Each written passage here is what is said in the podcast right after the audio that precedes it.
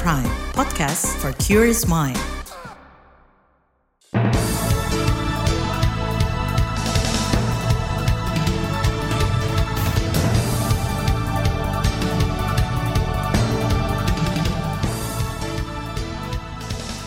Selamat pagi saudara, senang sekali kami bisa menjumpai Anda melalui program Buletin Pagi edisi Senin 13 Februari 2023 bersama saya Roni Sitanggang.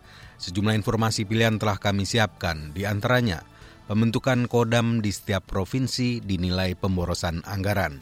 Ferdi Sambo dan istrinya Putri Chandrawati hari ini jalani sidang vonis.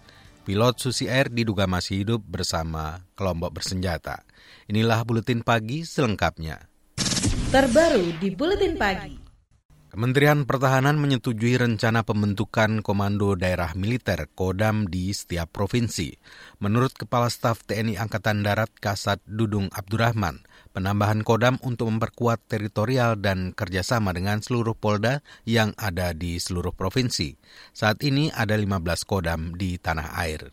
Jadi nanti uh, sesuai perintah dari Menhan dan Panglima TNI sudah setuju nanti setiap provinsi akan ada kodam. Ya ini nanti kita usulkan kepada Panglima TNI sudah kita usulkan Panglima nanti akan mengusulkan kepada Kemhan, Kemhan nanti akan mengusulkan kepada Menpa. Tentunya juga nanti akan dibicarakan dengan Menteri Keuangan karena kan akan menyangkut masalah anggaran. Kasat Dudung Abdurrahman menambahkan pembentukan Kodam di semua provinsi juga untuk menyeimbangkan kepangkatan Polri dengan TNI. Saat ini menurut Dudung, pimpinan Polri di tiap provinsi sudah berpangkat Mayor Jenderal, sementara di TNI Angkatan Darat masih ada yang kolonel. Sementara itu Menteri Pertahanan Prabowo Subianto menjelaskan penambahan kodam di seluruh provinsi diperlukan karena sejalan dengan sistem Hankam rata. Rencana garis besar kita karena sistem pertahanan kita adalah uh, pertahanan keamanan rakyat semesta jadi kita butuh bersama selalu dengan pemerintah daerah selalu dengan pemerintah sipil selalu berdampingan. Untuk sama polisi sudah sekarang situ ya tiap provinsi ada polda dan sekarang kita tiap provinsi kita tingkatkan menjadi polda. Sekarang sudah ada polrem-polrem yang kita tingkatkan. Itu rencana kita Menhan Prabowo Subianto belum bisa memastikan kapan rencana penambahan kodam di semua provinsi bisa terwujud. Semua masih digosok bersama pihak terkait. Kalangan DPR menilai rencana pembentukan kodam di semua provinsi perlu dilakukan secara matang. Selain itu, menurut anggota Komisi Bidang Hankam DPR, Dev Laksono, manfaatnya juga harus benar-benar ada untuk masyarakat. Jadi jangan sampai membentuk-membentuk akan tapi tidak ada infrastruktur ke bawahnya, personilnya masih kurang, batalionnya masih ompong-ompong. Nah, itu semua tuh harus uh, berjalan bersamaan. Nah, kata, nah, bila mana itu semua hal sudah uh, tercover, terpenuhi, ya uh, monggo silakan dilaksanakan, dijalankan pembangunan kodam-kodam Anggota Komisi Bidang Hankam DPR Dev Laksono menambahkan pembentukan kodam di setiap provinsi harus diikuti pembentukan satuan di bawahnya yakni Korem, Kodim, dan Koramil. Kata anggota fraksi Golkar itu pembentukan memerlukan biaya besar. Wacana pembentukan kodam di setiap provinsi dinilai bertentangan dengan Undang-Undang tentang Tentara Nasional Indonesia atau TNI. Pengamat militer dari Lembaga Studi Pertahanan dan Studi Strategis Indonesia Lepersi, Beni Sukadis, mengatakan pasal 11 Undang-Undang TNI bab tentang postur dan organisasi mengatur syarat-syarat penggelaran kekuatan TNI apakah memang perlu dan mendesak jika dikaitkan dengan penjelasan pasal ayat 2 tersebut? Tidak satu pun dari hal uh, apa argumen untuk membuat kodam di setiap provinsi mengacu kepada uh, aturan penjelasan di undang ini gitu loh. Hmm. yaitu rawan keamanan daerah perbatasan rawan konflik gitu loh. Apakah memang semua di provinsi itu ada daerah rawan konflik? Setahu saya rawan konflik atau yang tidak sekarang tinggal satu Papua gitu kan atau di daerah perbatasan Pengamat militer dari Les Persi, Beni Sukadis menambahkan rencana membentuk kodam di semua provinsi juga tidak relevan bila mengacu sistem Hamkam rata. Karena tiga matra TNI merupakan satu kesatuan terpadu. Tidak boleh ada satu matra yang lebih menonjol. Rencana membentuk kodam di semua provinsi juga dianggap memboroskan anggaran. Padahal penguatan alutsista harusnya lebih prioritas. Sementara itu peneliti di Komisi untuk Orang Hilang dan Korban Tindak Kekerasan Kontras, Rozi Brilian menilai pembentukan kodam di semua provinsi berpotensi memunculkan kebijakan militeristik dan kepentingan bisnis di daerah. Belum lagi misalnya soal anggaran gitu ya. Apakah suatu hal yang tidak urgensi, tidak ada urgensinya ini harus dilakukan gitu ya. Nah, tentu akan akan sangat membebankan anggaran. Nah, kaitannya dengan anggaran, kami khawatir bahwa nanti ketika misalnya anggaran tidak ada, akhirnya prajurit mencari sumber-sumber pendanaan lain atau sumber-sumber pendanaan ilegal misalnya dengan melakukan praktik bisnis militer. Peneliti Kontras Rozi Brilian minta rencana membentuk kodam di semua provinsi dihentikan. Apa apalagi kultur kekerasan dan bisnis militer, serta konflik dengan masyarakat dan polisi juga masih belum tuntas. Saudara pakar yakin vonis Sambo maksimal dan vonis Putri dua kali lipat. Informasinya akan hadir saat lagi, tetaplah di Buletin Pagi KBR. You're listening to KBR Pride, podcast for curious mind. Enjoy!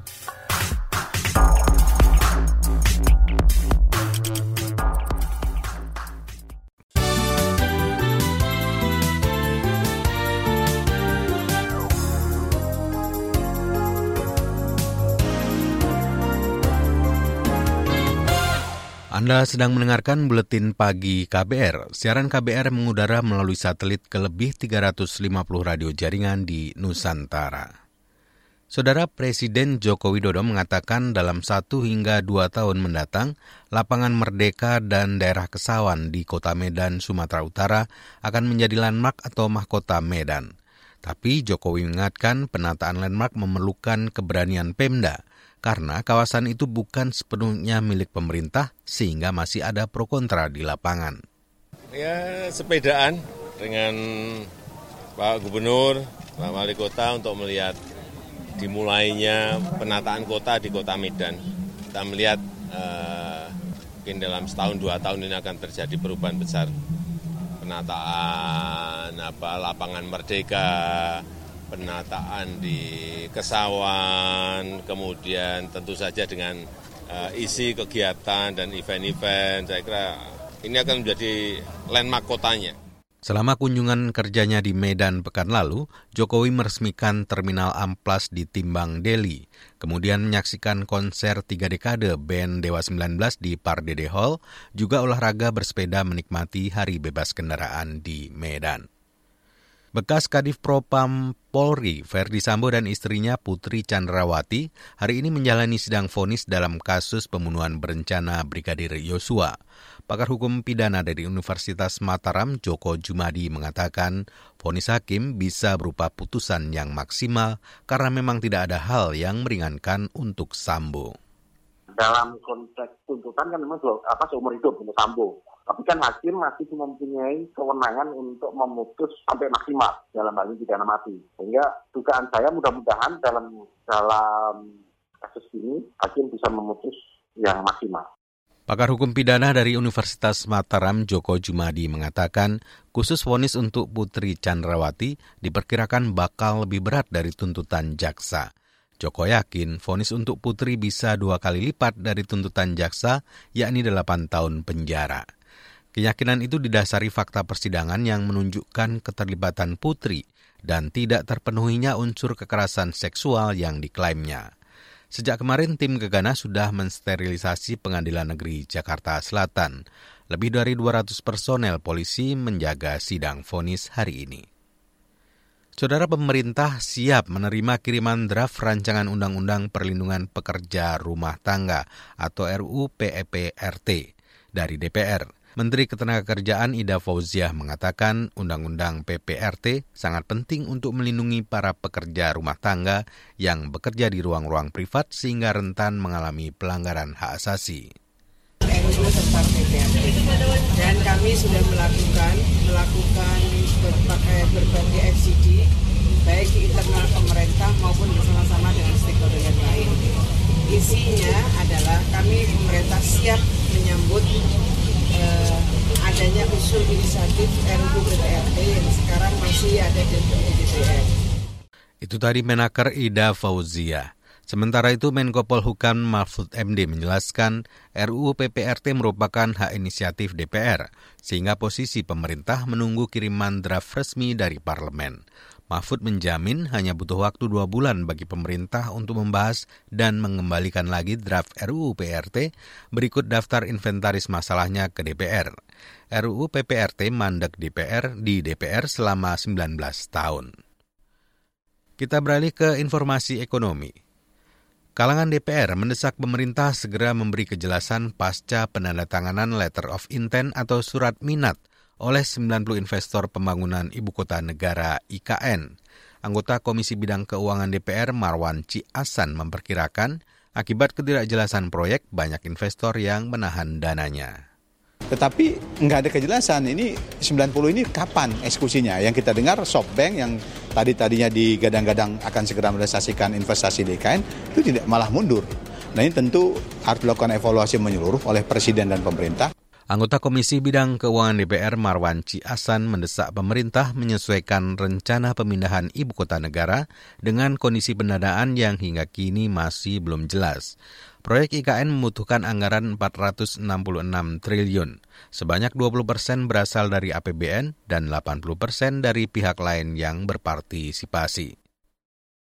Kita ke informasi mancanegara. Hingga akhir pekan kemarin, jumlah korban tewas akibat gempa magnitudo 7,7 di Turki dan Suriah mencapai 28 ribu orang. Wakil Presiden Turki Fuat Oktay mengatakan 2.800 ribu personil SAR masih terus bekerja.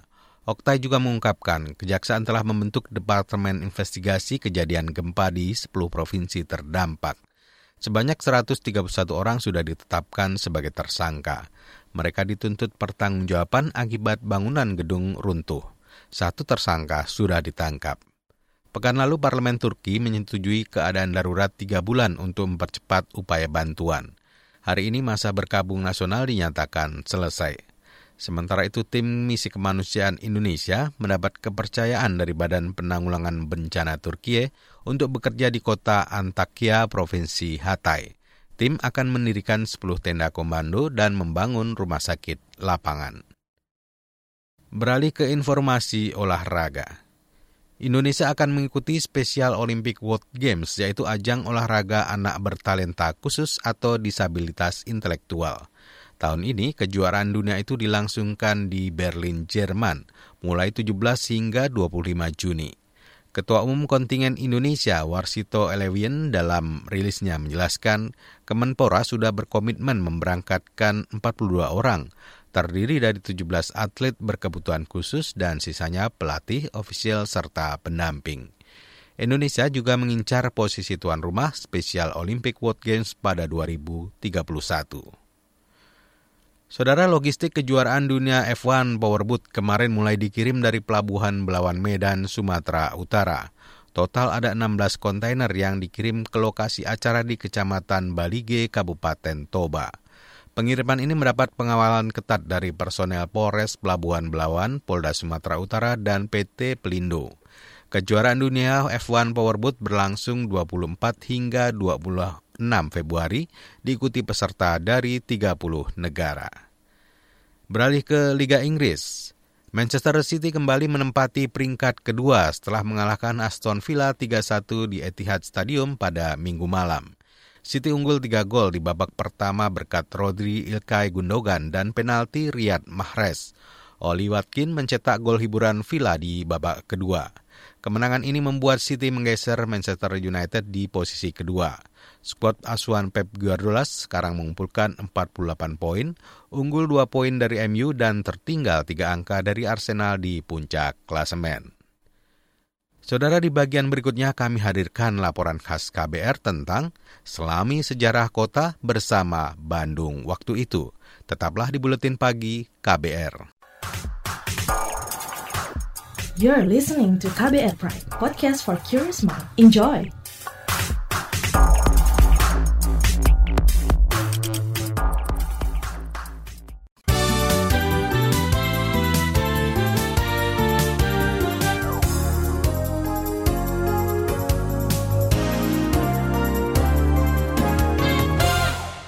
Terima kasih Anda masih bersama Roni Sitanggang di Buletin Pagi KBR.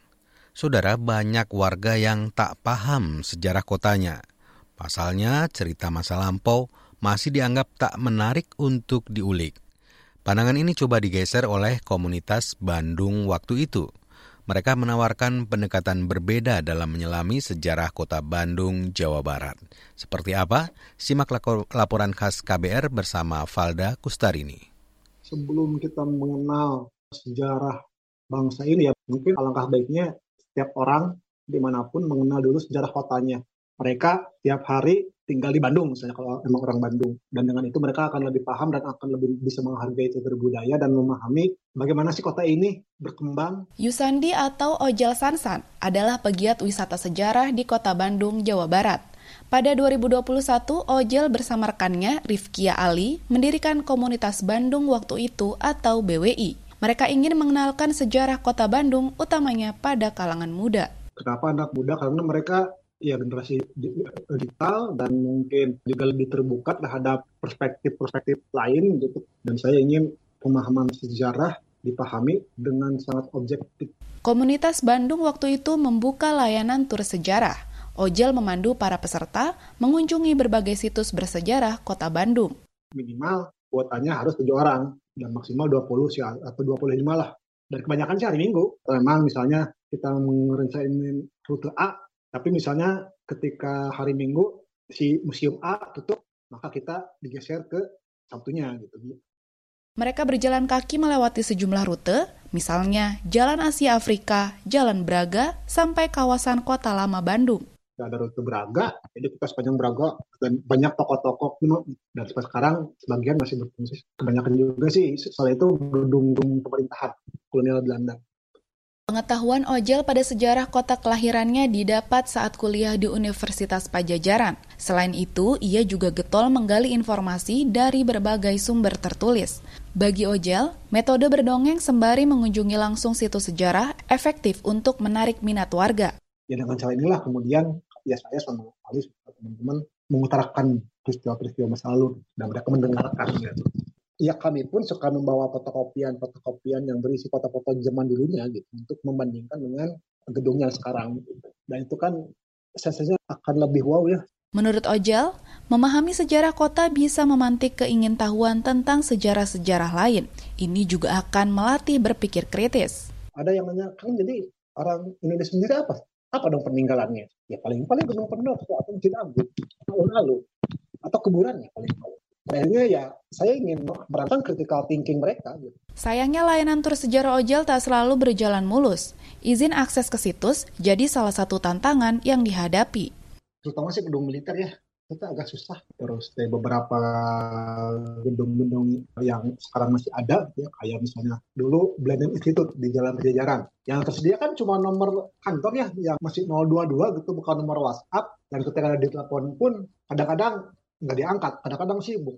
Namun, kendala itu tak menyurutkan langkah Ojel dan rekan-rekannya mengembangkan Bandung waktu itu. Mereka terus berinovasi untuk menarik minat warga, misalnya dengan memperbarui rute tur dan menetapkan konsep pay as you wish atau bayar seikhlasnya. Saya membaca tipikal orang Bandung ya, orang Sunda gitu. Beda dengan misalnya tipikal orang Jakarta. Kalau dia puas, dia akan tidak segan-segan membayar lebih. Tapi kalau untuk orang Bandung kayaknya ya bisa sih seperti tapi mungkin agak lama ya proses. Nah kita juga akan sebagai sayap bisnis lah taruhlah menawarkan rute-rute Jadi mungkin bisa per orang bisa lima puluh ribu atau bisa seratus ribu. Mereka juga aktif mengedukasi warga lewat media sosial Instagram dan TikTok at Bandung waktu itu. Kita kan juga ada TikToknya. Terus ya itu karena mungkin di Bandung sebelum sudah ada ya, kayak kita gitu. Jadi emang kita harus harus bersaing dengan mereka gitu. Ya minimal gairahnya sudah menggeliat gitu. Mungkin ada sekitar sepuluhan, kayak sepuluh kali mah ada mungkin. Pertama saya punya ketertarikan di sejarah gitu. Terus emang saya juga kuliah di jurusan sejarah.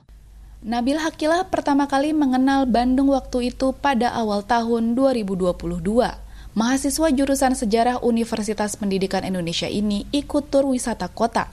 Dari sana, Nabil jadi makin paham tentang sejarah kotanya. Saya dapat banyak informasi seperti kejadian pernah terjadi pembunuhan massal terhadap pensiun-pensiun kenil di tempat yang sekarang jadi Paris Van Java gitu. Itu kan ternyata di tempat-tempat itu tuh ada kisah tersendiri gitu yang jarang kita ketahui gitu sebagai warga Bandung gitu. Nabil cocok dengan metode belajar sejarah yang ditawarkan Bandung waktu itu. Secara pembawaannya mungkin karena kita langsung berkunjung ke tempatnya, kemudian memang suasananya santai juga, jadi kita lebih cenderung cepat mengerti dan tidak bosan gitu. Layanan tur sejarah kota juga menarik karena bisa jadi ajang diskusi bagi para peserta. Ini jadi kayak yang ikut kegiatan juga kadang juga memberikan wawasan tambahan gitu, saling belajar gitu kita yang saya lihat itu. Demikian laporan khas KBR, saya Valda Kustarini. Saudara informasi dari berbagai daerah kami hadirkan usai iklan berikut ini. You're listening to KBR Pride, podcast for curious mind. Enjoy!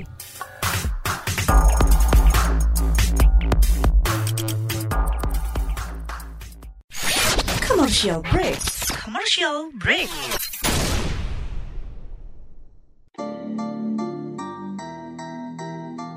Come on yo, buat yang sukanya berhoax, you better listen to this one. Check this one out yo. Hati-hati kalau baca kabar Hoax. Jangan langsung disebar kabar yang Hoax. Kalau mau tahu kabar benar atau Hoax. Dengerin cek fakta yang pasti bukan Hoax. Dengerinnya setiap Senin yang jelas bukan Hoax. Cuma ada di kbrprime.id dan aplikasi podcast lainnya. Hoax. Sudah cukup-cukup hoaxnya? Hoax. Cukup. Jaga emosi, tahan jari, verifikasi sebelum dibagi. Saya Ari Bowo Sasmito, Ketua Komite Pemeriksa Fakta Mafindo. KBR Prime, podcast for curious mind.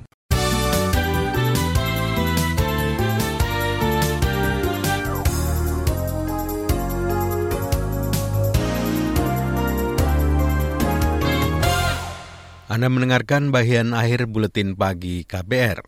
Saudara pilot pesawat Susi Air Philips Mark Merton diduga masih hidup dan tengah bersama kelompok bersenjata Papua pimpinan Egyanus Kogoya. Menurut Komandan Korem 172 Praja Wirayakti JO Semiring, lokasi keberadaan pilot masih belum bisa dipastikan. Hingga kini pencarian masih terus dilakukan. Pada Selasa, kelompok bersenjata disebut membakar pesawat milik Susi Air saat mendarat di lapangan terbang Paro, Kabupaten Duga, Provinsi Papua Pegunungan. Hingga saat ini belum diketahui keberadaan pilot dan lima penumpangnya. Masih dari bumi Cendrawasih, PT Freeport Indonesia menghentikan sementara kegiatan penambangan dan pengolahan di Kabupaten Mimika, Papua Tengah. Penghentian karena curah hujan tinggi di area tambang mengakibatkan sebagian lokasi pengolahan konsentrat mengalami banjir lumpur. Direktur Utama PT Freeport Indonesia Tony Wenas dalam siaran persnya mengatakan, selain sebagian lokasi pabrik mengalami banjir, ada beberapa ruas jalan tambang yang rusak. Kata Tony, penjemputan dan evakuasi juga sudah dilakukan terhadap 14 karyawan yang tertahan dalam gedung perkantoran. Tidak ada laporan korban jiwa atas kejadian itu. Di video banjir yang beredar, derasnya arus banjir turut menyeret beberapa alat berat milik PT Freeport Indonesia.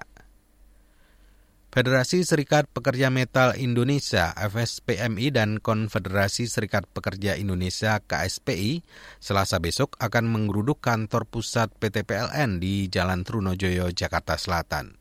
Ketua Umum SPPMI Abdul Bais menjelaskan ada tujuh tuntutan dalam unjuk rasa yang sudah kedua kalinya itu. Dan kali ini aksi tanggal 14 Februari kita sudah uh, mengundang kawan-kawan kita yang satu federasi untuk uh, bergabung solidaritas dalam aksi ke PLN. Untuk di PLN, anggota kita yang bersolidaritas dari Jabodetabek, Kerawang, dan Cilegon. Ketua Umum SPMI Abdul Bais menambahkan ada tujuh tuntutan yang akan dilayangkan ke direksi PT PLN. Antara lain menolak penurunan upah tenaga alih daya atau outsourcing, menolak perubahan status hubungan kerja, menuntut jaminan keselamatan kerja, dan mendesak pekerja yang terkena PHK dipekerjakan kembali. Saudara informasi tadi menutup jumpa kita di Buletin Pagi hari ini. Pantau juga informasi terbaru melalui kabar baru di situs kbr.id. Twitter kami di akun @beritaKBR serta podcast di alamat kbrprime.id. Akhirnya saya, Roni Sitanggang bersama tim yang bertugas undur diri. Salam.